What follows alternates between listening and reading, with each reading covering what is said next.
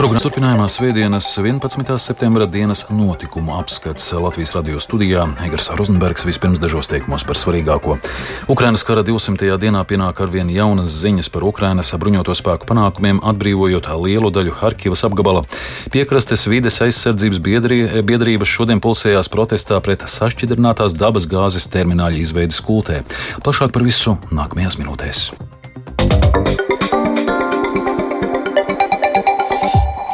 Ukrainas kara 200. dienā pienāk aizvien jaunas ziņas par Ukrainas bruņoto spēku panākumiem, atbrīvojot lielu daļu Harkivas apgabala. Baidoties no Ukraiņu pretu uzbrukuma, Krievijas spēki steigā ir pametuši savu tehniku, munīciju, bēgot Krievijas robežas virzienā.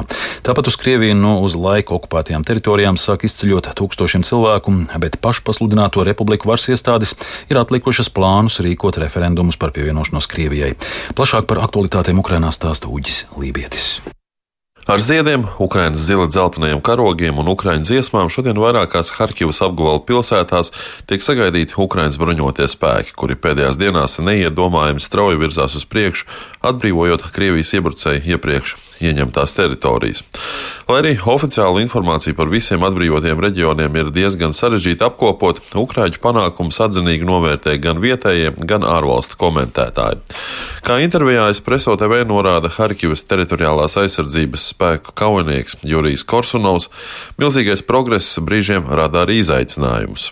Tā zvanā druhā armijas svītu не очікувала потужного наступу українських військ. Tā dēvētā otrā spēcīgākā armija pasaulē nebija gaidījusi Ukrainas spēku pretuzbrukumu. Pašlaik viņi vienkārši ir panikā. Viņi pamet kaujas tehniku, ieročus, munīcijas arsenālus un desmitiem padodas gūstā. Mums jau tagad rodas problēmas, ko darīt ar gūstekņiem. Šeit ir vērojams pilnīgs loģistikas haoss, un tā dēvētā neuzvaramā armija ir izrādījusies pilnīgi negatava šim profesionālajam, labi organizētajam Ukrainas spēku uzbrukumam. Šī vairs nav 2010. gada Ukrainas armija. 2010. roku. Kā liecina jaunākā informācija, no uz laiku okupētajām teritorijām uz Krieviju ir sākuši bēgt tūkstošiem cilvēku. Ukrāņu amatpersonas apgalvo, ka bēg ne tikai civiliedzīvotāji, un ne tikai okupācijas spēku un kolaborantu varas iestāžu pārstāvi, bet arī cilvēki no vietām, kas tika ieņemtas jau 2014. gadā. Krievijas Belgorodas apgabala gubernators Vjačeslavs Glatkovs pavēstīs, ka robežas tūmā Krievijas pusē jau ir izveidot vairāk nekā 20 pagaidu izmitināšanas centri. Tikmēr Krievijā, kur šodien notiek reģionālās vēlēšanas, situācija Ukrainā tiek atspoguļota pilnīgi atšķirīgi. Oficiālajos aizsardzības ministrijas ziņojumos tiek apgalvots, ka joprojām turpinās aktīvas Ukraiņu vienību apšaudes, un dienas laikā vien ir nogalināti vairāki tūkstoši Ukraiņu karavīri. Par Krievijas spēku atkāpšanos faktiski runāts netiek, vien atgādinot vakar teikto, ka notiek taktiska pārgrupēšanās. Vienlaikus amatpersonas joprojām uzstāja, ka jebkādai miera sarunu iniciatīvai ir jānāk no Kijavas puses. To intervijā televīzijas kanālam Россия 1 norādījis arī Krievijas ārlietu ministrs Sergejs Lavrovs. Я думаю, что наша позиция была изложена президентом где-то пару недель назад на очередном мероприятии. Es domāju, ka mūsu nostāju savulaik izklāstīja mūsu prezidents. Pirms dažām dienām uzrunājot sanāksmes dalībniekus, runājot par Ukrainu, viņš teica, ka mēs nenoliedzam sarunas. Taču tiem, kuri to dara, ir jāsaprot, ka jo ilgāk šis process tiks atlikts, jo grūtāk viņiem būs sarunāties. Этот процесс, тем сложнее будет договариваться. Bet, kā ziņo portāls Meduza, pēc ziņām par Ukraiņas spēku panākumiem Harkivas apgabalā pašpasludinātās Donetskas un Luhanskas tautas republikas ir uz nenoteiktu laiku atlikušas iecerētos referendumus par pievienošanos Krievijai. Meduza avoti ir pastāstījuši, ka politehnologi, kuri bija strādājuši Harkivas un Zaparīžas rajonos, jau esot atsaukti uz Krieviju, taču Helsonas apgabalā tie joprojām darbu turpina. Atgādinām, ka vēl šonadēļ Krievijas valdošās partijas vienotā Krievija pārstāvja pārstāvi izteicās, ka šie tā dēvētie referendumi varētu notikt 4. novembrī. Uģis Lībijams, Latvijas Radio. Piekrastes vides aizsardzības biedrība šodien pulcējās protestā pret sašķidrinātās dabas gāzes termināļa izveidi skultē. Pasākumā piedalījušies ap 200 cilvēku, tā liecina protesta rīkotāja aplēses. Valdība augusta beigās slēgtā sēdē vienojās nacionālo interešu objekta statusu piešķirt sašķidrinātās dabas gāzes termināļa projektiem skultē. Tas nozīmētu atvieglotas procedūras šī projekta ātrākai īstenošanai, bet iedzīvotājs satrauc drošības riski un ietekmes uz vidi novērtējuma neskaidrais process. Plašāk Sintīs Ambotas ierakstā. Protestu pret skultas sašķidrinātās dabasgāzes terminālu šodien rīkoja piekrastes vidas aizsardzības biedrība, jo kopš idejas parādīšanās jau 2016. gadā iedzīvotāji nav saņēmuši atbildes uz jautājumiem par vidas un drošības riskiem.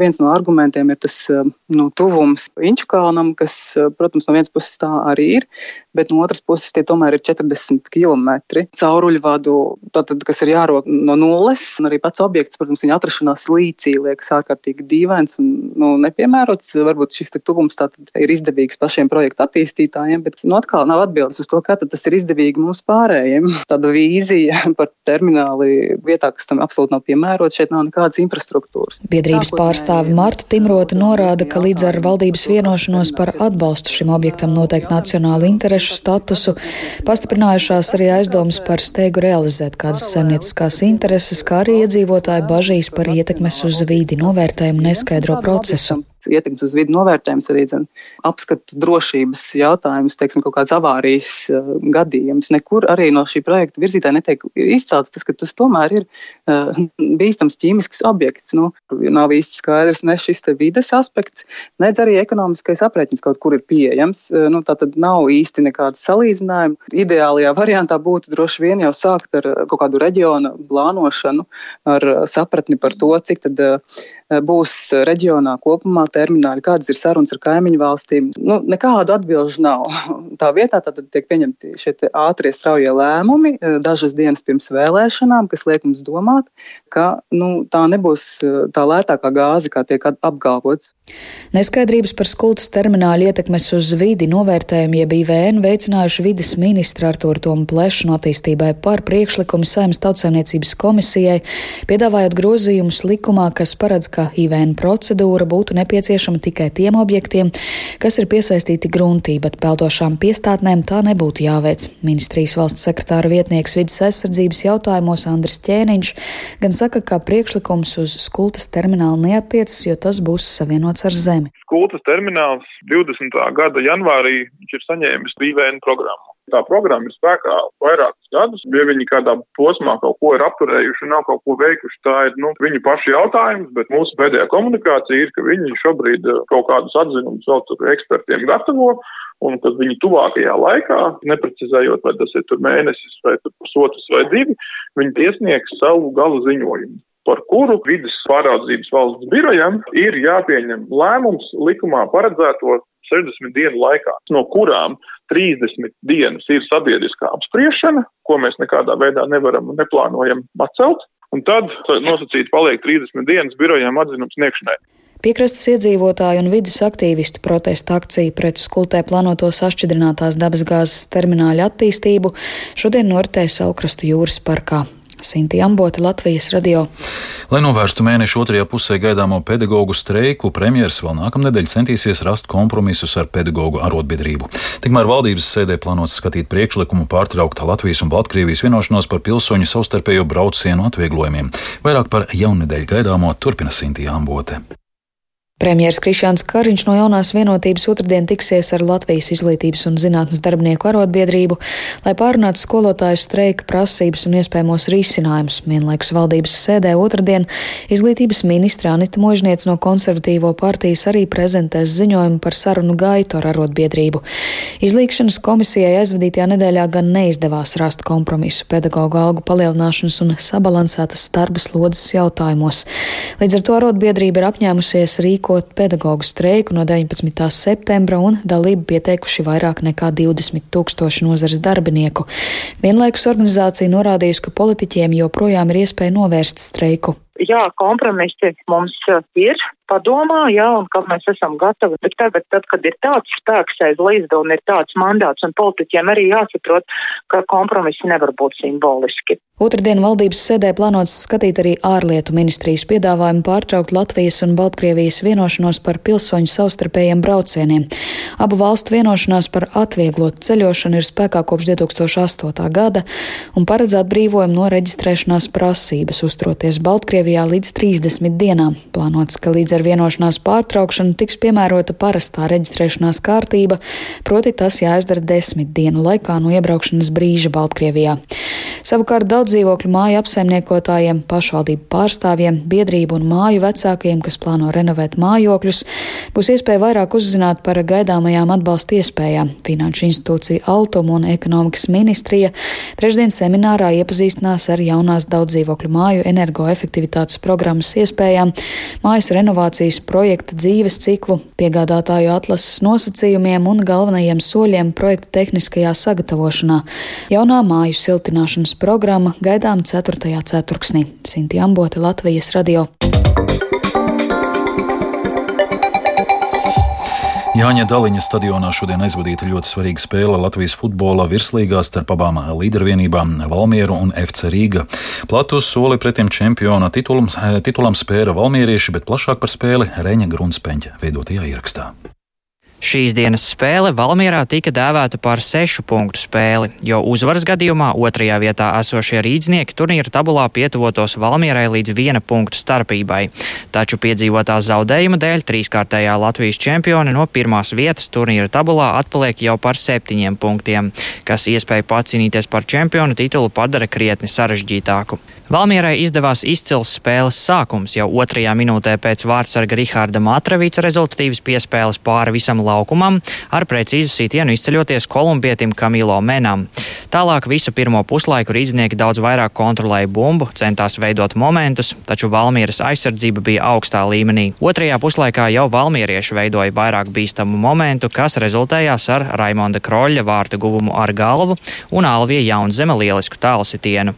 Rīdznieki pašās spēles beigās vienus vārdus atguva, bet neko daudz tas nemainīja. Piedzīvots zaudējums ar 1-3. Valmieras kapteinis Raimons Krolis pēc spēles atzina, ka galvenā trenera Jurģa Kalna būšana tribīnēs diskvalifikācijas dēļ neko daudz neietekmēja, jo spēles laikā treneri no laukuma malas tāpat ir sarežģīti dzirdēt. Vairāk par spēli stāsta Raimons Krolis. Nu, mēs beidzot psiholoģiski savācāmies. Visu nedēļu varēja just komandā tādu vienotu atmosfēru, un tas arī nostrādāja. Nu, mēs skatāmies pēc situācijas, principā pēc manis mēs skatāmies, vai mēs presingojam vai nē. Pirmajā puslaikā īsti neredzējām jēgu presingot. Tāpēc spēlējām kompakti, jo bijām vadībā, un galvenais bija aizvadīt labu pirmo puslaiku. Nu, jā, nu, mēs iesim no spēles uz spēli un gatavosimies katrai spēlei atbildīgi pret jebkuru pretinieku, tikai tā var kļūt par čempioniem. FC Rīga komandai šis bija jau ceturtais zaudējums pēc kārtas pret Valmieru. Turklāt šodien iesistie vārti bija vienīgie šajās četrās spēlēs. Par zaudējuma iemesliem pastāstīja FC Rīga aizsargs Antonijs Černomordijs. Nē, mēs pieturamies mūsu plānā. Jā.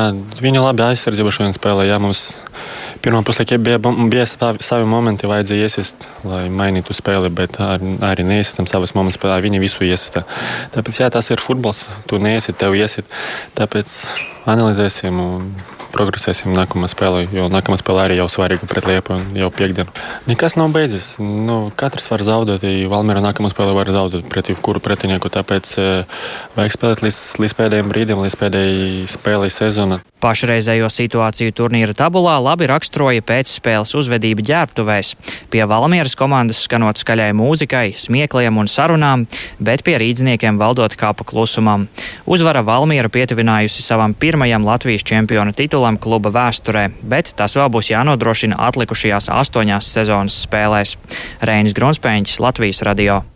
Vēl par sportu Enara Bagatska trenētā Ukrainas basketbola izlase šodien Eiropas čempionātā Berlīnē piedzīvoja zaudējumu astotdaļfinālā ar 86 pret 94 piekāpjoties Polijai. Poļa Eiropas čempionāta ceturdaļfinālu sasniedza pirmo reizi kopš 1997. gada.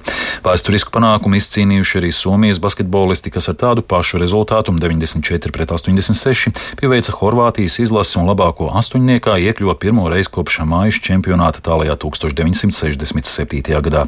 Ar 40 punktiem Somijas rindās izcēlās Laurija Markanens. Dzirdējāt 11. septembra dienas notikumu apskatu producente Aiga Pelāne par skanējumu rūpējās Kristaps Eida un Kaspars Groskops. Studijā Negras Rozenbergs vēlreiz par svarīgāko. Ukrainas kara 200. dienā pienāk ar vien jaunas ziņas par Ukrainas bruņoto spēku panākumiem, atbrīvojot lielu daļu Harkivas apgabala. Piekrastes vides aizsardzības biedrība šodien pulcējās protestā pret sašķidrinātās dabas gāzes termināļa izveidi Skultē.